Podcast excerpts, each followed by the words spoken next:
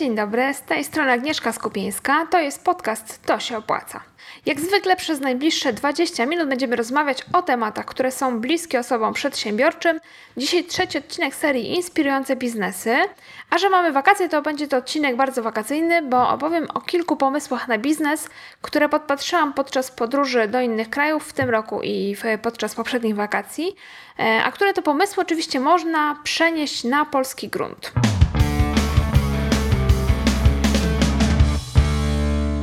Ostatnie kilka tygodni spędziłam w Chorwacji i była to już moja druga wizyta w tym kraju. I jeżeli jeszcze w Chorwacji nie byłeś, to Cię gorąco zachęcam e, do odwiedzenia właśnie tego kraju, dlatego że Chorwacja jest bardzo fajna jako właśnie takie miejsce wakacyjnego wypoczynku. Po pierwsze dlatego, że pogoda jest znacznie lepsza niż w Polsce, no tak jak przystało na kraj, który jest położony nieco na południe od nas. A po drugie, ceny nie są aż tak e, bardzo wygórowane, jak to jest na przykład e, we Włoszech czy w jakichś tam innych zachodnich krajach. Jest tam sporo ciekawych miejsc, jest, e, jest dużo pięknych plaż, jest mnóstwo widoków, które, które sobie można podziwiać, także naprawdę jest co oglądać, jest co robić. No ja właśnie podczas urlopu w Chorwacji, oprócz tego, że tam oglądałam, odpoczywałam, ładowałam baterię, mm, to trochę się mimochodem rozglądałam, podpatrywałam jak w tych turystycznych miejscowościach kręci się biznes, jakie sposoby na przyciągnięcie klientów mają Chorwaci, jakie pomysły na biznes wykorzystują i opowiem Ci dzisiaj o kilku z nich, a także kilku pomysłach z Ukrainy, z Węgier, coś tam się też trafi z Rumunii, także no, lecimy z tematem. Pierwszy pomysł, który z pewnością można przenieść na polski grunt, to są uliczne bary naleśnikowe. Musisz wiedzieć, że w Chorwacji naleśniki są traktowane jak deser. We wszystkich restauracjach i w barach znajduje, znajdują się w karcie deserów, e, znajduje się właśnie porcja naleśników. I te naleśniki mogą być podawane, najczęściej podawane są właśnie z orzechami, z orzechami włoskimi albo z, takim z takim kremem zrobionym ze świeżych orzechów włoskich, albo z orzechami po prostu zmielonymi. E, podawane są też z marmoladą albo z czekoladą, z sosem czekoladowym, e, czasami z jakąś nutellą. Niekiedy rzadko znajdziemy też w karcie, e, czy rzadko, no znajdziemy też w karcie mm, propozycję jakąś, która jest nazwana propozycja szefa kuchni, co na ogół oznacza, że będą to naleśniki z lodami albo po prostu takie kombo ze wszystkim, co tam akurat znajdą. I nie wiecie tego o mnie, ale ja jestem absolutnym fanem naleśników i nigdy bym nie przepuściła okazji do zjedzenia słodkiego naleśnika, więc jadłam w Chorwacji te naleśniki w kilku różnych miejscach. Mm, no i oczywiście naleśniki jak naleśniki, prawda? Wszędzie smakują tak samo, ale zawsze są tak samo dobre. Ale oprócz tego, że naleśniki są podawane jako deser właśnie w restauracjach, to są także w Chorwacji specjalne bary naleśnikowe, w których naleśniki są traktowane mm, tak jak fast food. I zamawiając naleśnika w takim barze, dostaniemy go na plastikowym talerzyku, dostaniemy go zawiniętego w serwetkę, gorącego oczywiście zrobionego przed chwilą na naszych oczach. No i dostaniemy go bez sztućców. I e, tak jak u nas na przykład sprzedawana jest tortilla, prawda? W, w jakimś tam papierze czy na, na talerzyku, ale sztućców do tego nie ma. No i w takim barze cena naleśnika jest mniej więcej o połowę niższa niż cena naleśnika w restauracji, e, wtedy kiedy go kupujemy jako deser. No i jeżeli, niestety, jeżeli chodzi o smaki, to mm, tutaj także nie mamy zbyt wielkiego wyboru. Tak jak w, w restauracjach wyboru nie, nie mamy dużego, mm, to tutaj tak samo w barach naleśnikowych, z, których, z którymi ja się przynajmniej spotkałam, to możemy wybrać właściwie cały czas te same smaki. To jest marmolada, jest czekolada, no i są te nieszczęsne orzechy. I właściwie swoją drogą to nie wiem, co powstrzymuje Chorwatów przed wzbogaceniem oferty i przed dodawaniem do naleśników na przykład świeżych owoców, bo Przecież te bary naleśnikowe czynne są przeważnie latem, e, a latem można kupić truskawki, można kupić maliny, borówki, jagody i brzoskwinie, cokolwiek, inne świeże owoce. No i właściwie ten przecież naleśnik ze świeżymi owocami e, jak znalazł, a tutaj w tych barach naleśnikowych takiej oferty nie ma. Ale sam bar naleśnikowy to jest coś, czego ja w Polsce nie widziałam, chociaż może w turystycznych miejscowościach takie bary są ale ja nie widziałam jeszcze ich, na pewno w dużych miastach takich otwartych barów fast foodowych, naleśnikowych nie ma. Z pewnością myślę, że udałoby się namówić klientów na naleśnika. Jeżeli w, w Twoim mieście jest restauracja manekin, jeżeli widziałeś kolejki, które się przed manekinem ustawiają, a w Łodzi kolejki są ogromne, mamy tylko jednego manekina i manekin ma bardzo, bardzo dużo stolików, ma e, taki ogródek, stoliki są na zewnątrz i zawsze są kolejki. Nie ma takiej opcji, żeby przed manekinem nie było kolejek. Jeżeli te kolejki widziałeś, no to wiesz o czym mówię, wiesz jak e, bardzo Polacy lubią naleśniki. No zresztą naleśniki to są takie dosyć e, tanie jedzenie, no bo w barze naleśnikowym w, mane w manekinie można się najeść za jakieś kilkanaście złotych, więc nie brakuje klientów, nie brakuje zwłaszcza studentów. Także myślę, że bar naleśnikowy to jest coś, co w Polsce z pewnością można by było to sprawdzić. Czy jakiś naleśnikowy food truck, czy taki bar po prostu w formie budki gdzieś nad morzem, albo nawet w, w, dużym jakimś turystycznym mieście, czy, czy w Łodzi nie jest specjalnie nie jest turystyczna, ale w Łodzi też sobie wyobrażam, że bar naleśnikowy mógłby cieszyć się powodzeniem. Pozostając w temacie jedzenia sprzedawanego na ulicy yy, i owoców, o których wspomniałam przed chwilą, to przypomniało mi się coś, co widziałam już nie pamiętam gdzie, ale wydaje mi się, że to, widziałam to we Włoszech, na targowiskach. Na wielu targowiskach sprzedawane były owoce, oczywiście tak jak u nas są sprzedawane na kilogramy, ale sprzedawane były też w kubeczkach. Obrane, pokrojone, umyte z takim widelczykiem małym, gotowe po prostu do spożycia. Kupujesz kubeczek, idziesz sobie dalej przez targ, podjadasz sobie te świeże owoce, które wyglądają oczywiście pięknie, apetycznie. Były to na przykład arbuzy, były to kokosy, ananasy, brzoskwinie, kiwi, truskawki, także to wyglądało kolorowo i pięknie. No i niby nie jest to nic niezwykłego, bo w Polsce myślę, że w turystycznych miejscowościach też coś takiego można spotkać. Wydaje mi się, że, że gdzieś to już widziałam, ale nie widziałam, żeby ktoś sprzedawał w ten sposób owoce właśnie na rynkach, na targowiskach, y, w jakichś food truckach, czy nawet bezpośrednio na ulicy. To myślę, że mógłby być niezły pomysł na biznes, na, na, na, biznes na przykład w dużych miastach, w okolicach przystanków, gdzie się zwykle dużo gromadzi ludzi, gdzie ludzie wracają z pracy, są głodni, jadą do domu albo jadą do pracy rano i chcieliby coś e, szybko przekąsić, bo nie zdążyli zjeść śniadania. Kubeczek takich świeżych owoców wygląda e, fajnie, apetycznie. E, tak jak powiedziałam, można te owoce od razu sobie zjeść, bo jest jakiś tam widelczyk, są umyte, nie trzeba się niczym martwić. Więc myślę, że klienci na taki produkt by się znaleźli. I dlatego yy, uważam, że jest to pomysł na biznes do rozważenia. Jeżeli chodzi o owoce, to jeszcze ciekawą rzecz widziałam e, w Rumunii, bo kilka lat temu jechaliśmy właściwie przez całą szerokość Rumunii. Zaczęliśmy, mieliśmy taką podróż z Węgier do, do Bułgarii, więc jechaliśmy Węgry, potem cała Rumunia i nad morze, a potem przejechaliśmy do Bułgarii też nad morze. No i przez całą szerokość Rumunii jadąc kilka, kilka razy trafiliśmy na korek, e, bo nie wszędzie w Rumunii były takie kilkupasmowe drogi, oczywiście tam autostrad, o ile pamiętam, wiele nie było. E, I wszędzie tam, gdzie się zdarzał korek, to miejscowi Rumunii oczywiście dokładnie wiedzieli, że tam korek jest co jakiś czas. I w tych miejscach, gdzie ten korek się pojawiał, stawali z, właśnie z owocami w kubeczkach. One, te owoce, pamiętam, były tak fajnie zapakowane w formie czegoś rodzaju kwiata. I sprzedawali, pamiętam, w ten sposób maliny, jeżyny e, i zainteresowanie tymi towarami było całkiem spore. Tym bardziej, że oni właściwie nie stali przy drodze, tylko szli wzdłuż tego korka i podchodzili do kolejnych aut, proponując te owoce. Pamiętam, że tych sprzedawców było kilkunastu w jednym takim korku. Wszyscy mieli e, spakowane owoce w ten sam sposób, więc przypuszczam, że za całym tym handlem stała, e, stała jakaś jedna firma albo jeden człowiek. I jeszcze y, jedną taką ciekawą rzecz widziałam. W, jest przejście graniczne między Macedonią i Serbią, o ile dobrze pamiętam. W każdym razie na granicy z Serbią. Nie pamiętam, czy tak, chyba Macedonia, Serbia albo Serbia, Węgry. Przejście, na którym się dosyć długo czeka, mm, właśnie na przejechanie przez granicę, i tam z kolei widziałam ludzi, którzy chodzili ze stacji benzynowej pobliskiej z kawą.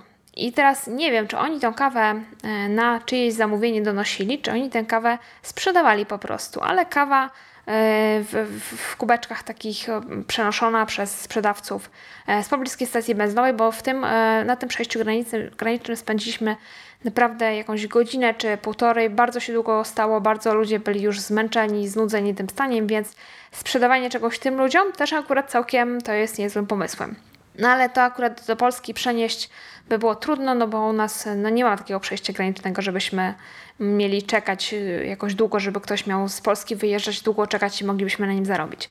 Także e, to tylko tak mimochodem wspominam. Natomiast jeżeli już jesteśmy przy jedzeniu sprzedawanym na ulicy i przy kawie, to równie ciekawą rzecz widziałam na Ukrainie. Byliśmy na Ukrainie tylko kilka dni w roku 2012 kiedy był finał Euro 2012 w Kijowie, czyli e, piłkarskich Mistrzostw Europy.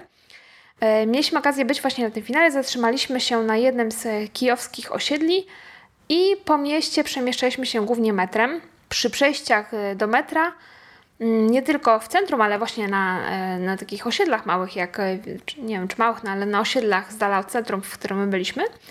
Przy wejściach do metra były właśnie sprzedawcy z włoskami ze świeżą kawą. Już nie pamiętam, jaka była cena tej kawy, ale pamiętam, że zainteresowanie kawą było naprawdę spore od samego rana. Wyglądało mi na to, że ludzie kupowali e, tę kawę, bo po prostu nie zdążyli wypić kawy w domu, albo no, kupowali ją po prostu ludzie, którzy jechali metrem do pracy i naprawdę było to bardzo popularne. Nie, nie było tak, że ten sprzedawca z kawą sobie stał, tylko co chwilę ktoś tam do niego podchodził i tę kawę kupował. Kawa się dostawało oczywiście w papierowym kubeczku i można ją było sobie spokojnie wypić w metrze. I nawiasem mówiąc, akurat w Kijowie w wielu miejscach w podobny sposób sprzedawany był kwas chlebowy. E, akurat na Ukrainie ten kwas chlebowy jest dosyć popularnym napojem i też go można było właśnie w takich plastikowych kubeczkach kupić. E, sprzedawany był z takich e, dosyć dużych baniaków, no i też tam jakimś zainteresowaniem się cieszył. A wracając do Chorwacji, kolejnym ciekawym pomysłem, o którym chciałabym opowiedzieć, jest, e, są stoiska z lokalnymi wyrobami, które są zlokalizowane przy kanale Limskim na Istrii, czyli mniej więcej w północnej części Chorwacji. Oczywiście sam pomysł, żeby otworzyć stoisko z lokalnymi wyrobami, takimi jak miody, jak wino, grappa, ser i tak dalej, no to nie jest jakiś bardzo oryginalny pomysł, prawda? Natomiast oryginalny tam był sposób zwabiania klientów i nakłonienia ich, żeby zatrzymali samochód, bo te stoiska były zlokalizowane przy drodze, tak jak u nas często się widzi, no czy z miodem, czy z owocami, czy tam jakieś jagody, ktoś tam stoi przy drodze, tak, tam sam, tak samo były tam takie małe stoiska przy drodze zlokalizowane. No i żeby człowiek się zatrzymał przy tym stoisku i zainteresował się tym, co ten człowiek, e, co, co, co ta osoba sprzedaje w tej budce, to trzeba było go do tego jakoś przekonać. I jak już wspomniałam, stoiska te były ustawione w pobliżu kanału Limskiego. To jest taki kilkukilometrowy kanał, który się wcina jakby głęboko w ląd. I on wygląda bardzo malowniczo i jest często porównywany z norweskimi fiordami. Naprawdę przepiękne miejsce. I oczywiście kanał ten najlepiej wygląda z lotu ptaka, gdy można zobaczyć e, taki większy fragment kanału. I ten fakt wykorzystywali sprzedawcy tych właśnie lokalnych e, smakołyków, bo ustawili przy drodze w pobliżu tego kanału limskiego kilka punktów widokowych, takich e, niewysokich platform, na które można było za darmo wejść, no i można było podziwiać kanał i chętnych, żeby się zatrzymać, oczywiście nie brakowało, no bo to była jedyna, właściwie jedyna możliwość, żeby obejrzeć ten kanał z góry. Nie było tam żadnych wzniesień, ani nie było żadnych innych, nie wiem, mostów, platform i tak dalej.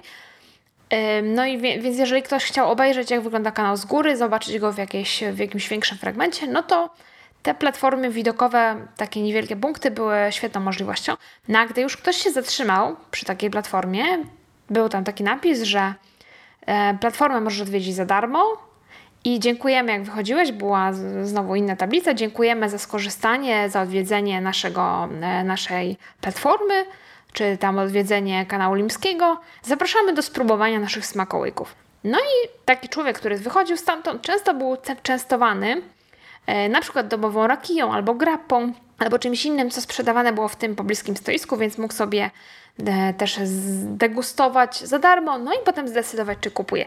I teraz tak, nie wiem, czy ci właściciele tych punktów to oni czytali jakieś podręczniki marketingu, ale myślę, że świetnie sobie obmyślili ten sposób pozyskiwania klientów, bo faktycznie przy tych punktach zatrzymywało się e, wiele osób i wiele osób też dokonywało zakupu, bo tu oczywiście działa zasada wzajemności. Ktoś robi coś dla nas za darmo, wpuszcza nas na swoją platformę widokową za darmo, częstuje nas tą rakiją, czy tą grappą, czy jakimś tam innym alkoholem, czy serem, bo też e, pan zapytał skąd jesteśmy, powiedzieliśmy, że z Polski, a z Polski to ja mam sery, na przykład oscypki i tak sobie myślę, po co ja miałabym w Chorwacji kupować oscypek, który e, właściwie jest naszym serem górskim. No ale to już nieistotne, w każdym razie Reguła wzajemności, dostaje coś od kogoś za darmo, chce się mu odwdzięczyć, więc kupię jego wyroby.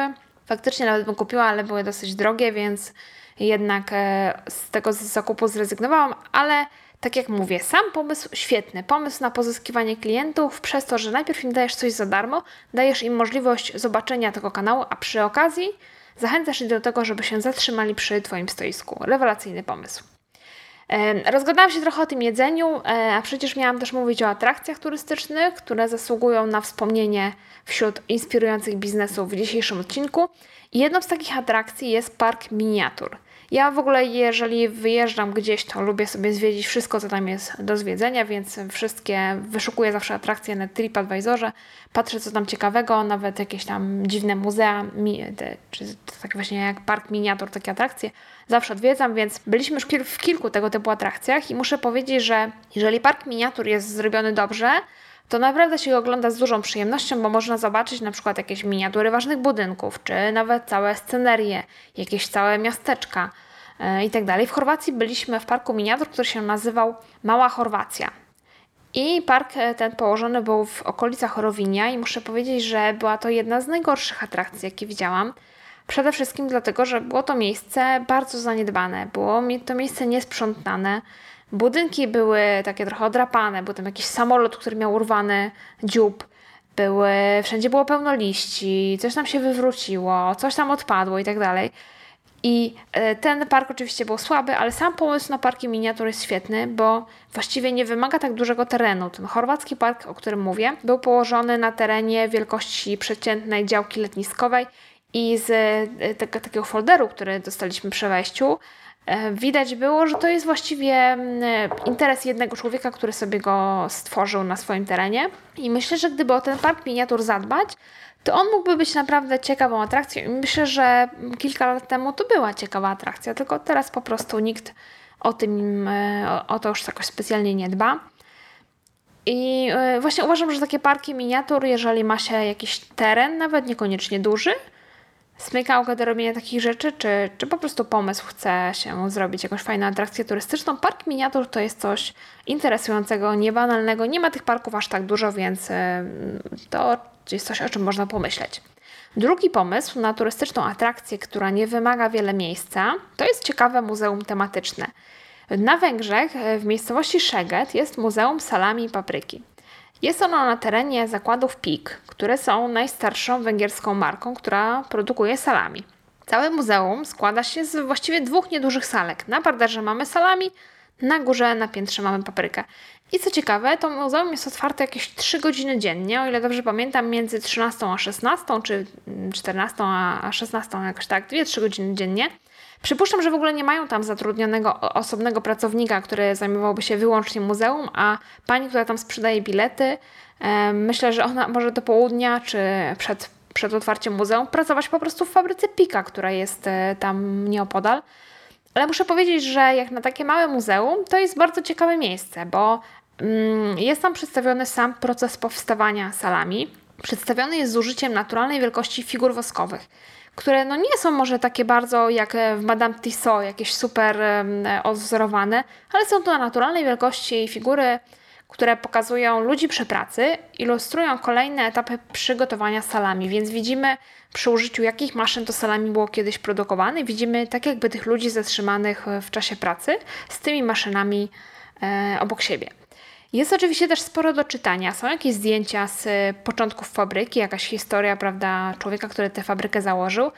Ale tutaj też na pochwałę zasługuje fakt, że przy zakupie biletów pani z obsługi pyta cię o język, w jakim mówisz i wręcza krótki przewodnik w twoim języku. I patrzyłam, że oni mają tych języków faktycznie kilkanaście. I tak się zaczęłam zastanawiać, że właściwie nie wiem dlaczego w dużych muzeach w wielu krajach przewodniki to są tylko w najpopularniejszych językach, yy, czyli powiedzmy w kilku, ale a nie, są w kilkudziesięciu. Przecież e, to jest właściwie maksymalnie kilka stron tekstu, które trzeba przetłumaczyć i wydrukować. W dzisiejszych czasach, gdy ludzie dzielą, e, dzielą się w internecie, na przykład na TripAdvisorze, z którego ja też korzystam, informacjami o atrakcjach, e, kiedy mm, piszemy, co nam się podobało, co nam się nie podobało, i często właśnie widzę, że Ludzie piszą, że fajnie, fajnie, niby ciekawa muzeum, ale wszystko jest do, do czytania tylko po rumuńsku, więc jak nie, nie znasz rumuńskiego, to nie warto iść. To myślę, że rozdawanie przewodników w każdym języku, na przykład jeżeli mamy muzeum w Europie, to w każdym europejskim, nie jest ich aż tak dużo, może sprawić, że mm, zyskamy jako właściciel atrakcji sporo pozytywnych opinii i sporo ludzi chętniej przyjdzie jednak zapoznać się z takim muzeum, w którym atrakcje są opisane także w, w naszym języku. A wspominam o Muzeum Salami, dlatego że uważam, że do otwarcia muzeum nie trzeba mieć e, takiej wielkiej sali, nie trzeba mieć jakichś wielkich zabytków, eksponatów e, sprzed wieków. Moim zdaniem dużo ważniejszy jest pomysł na muzeum. W Amsterdamie widziałam na przykład rewelacyjne muzeum likierów marki Bols, które także nie było zbyt duże. W Budapeszcie Muzeum Automatów do Gier, tak zwanych fliperów, w którym można było e, właściwie godzinami siedzieć i grać na wszystkich urządzeniach, bo było to w cenie biletu. W Karpaczu jest takie sympatyczne Muzeum Zabawek, w Toruniu na przykład jest rewelacyjne muzeum, żywe Muzeum Piernika. Też nie jest wielkie, też nie ma eksponatów, ale pokazany jest cały proces e, tworzenia e, tego piernika od, od początku, od, od, od przypraw do mm, gotowego wyrobu. No i każdy z tych miejsc przyciąga turystów. Jeżeli jest dobrze zrobione, to też zbiera pozytywne opinie w sieci i dzięki temu potem przyciąga kolejnych turystów. Także pomysł na zrobienie nowoczesnego muzeum nie jest moim zdaniem taki głupi i jest trochę niedoceniany jako fajny pomysł na biznes. Powoli zbliżamy się do końca dzisiejszego odcinka. Dodam tylko, że na stronie tosieopłaca.pl w notatkach do tego odcinka podcastu znajdziecie kilka moich zdjęć, innymi e, właśnie z kanału limskiego, z punktu obserwacyjnego przy drodze. No bo oczywiście ja sama też uległam pokusie i zatrzymałam się przy takim punkcie. Postaram się doda dodać też zdjęcia z kilku muzeów, które nie tylko warto odwiedzić, ale może warto też przyjrzeć się temu, jak te muzea, muzea działają, jak są zorganizowane. Wiem, że biznesy e, związane z turystyką są być może sezonowe, e, znaczy na, na pewno są sezonowe, najlepiej działają w czasie wakacji, ale za to e, są trochę też jak biznesy ślubne, bo na ślubie się z reguły nie oszczędza. I tak samo podczas wakacji. Też chętniej wydajemy pieniądze na wakacjach niż w czasie całego roku, w czasie roku pracy. Więc e, właściciele tego typu biznesów, e, czy atrakcji turystycznych, czy czegoś e, do jedzenia w miejscowościach turystycznych, zwykle dyktują dosyć wysokie ceny za swoje produkty. No i w związku z tym też marża myślę, że jest większa i może i zarobić jest trochę, trochę łatwiej. Dziękuję za uwagę i wysłuchanie tego odcinka. Po więcej zapraszam na stronę tosieopłaca.pl ukośnik podcast, a skontaktować się ze mną można pod adresem agamałpa.tosieopłaca.pl. Do usłyszenia następnym razem.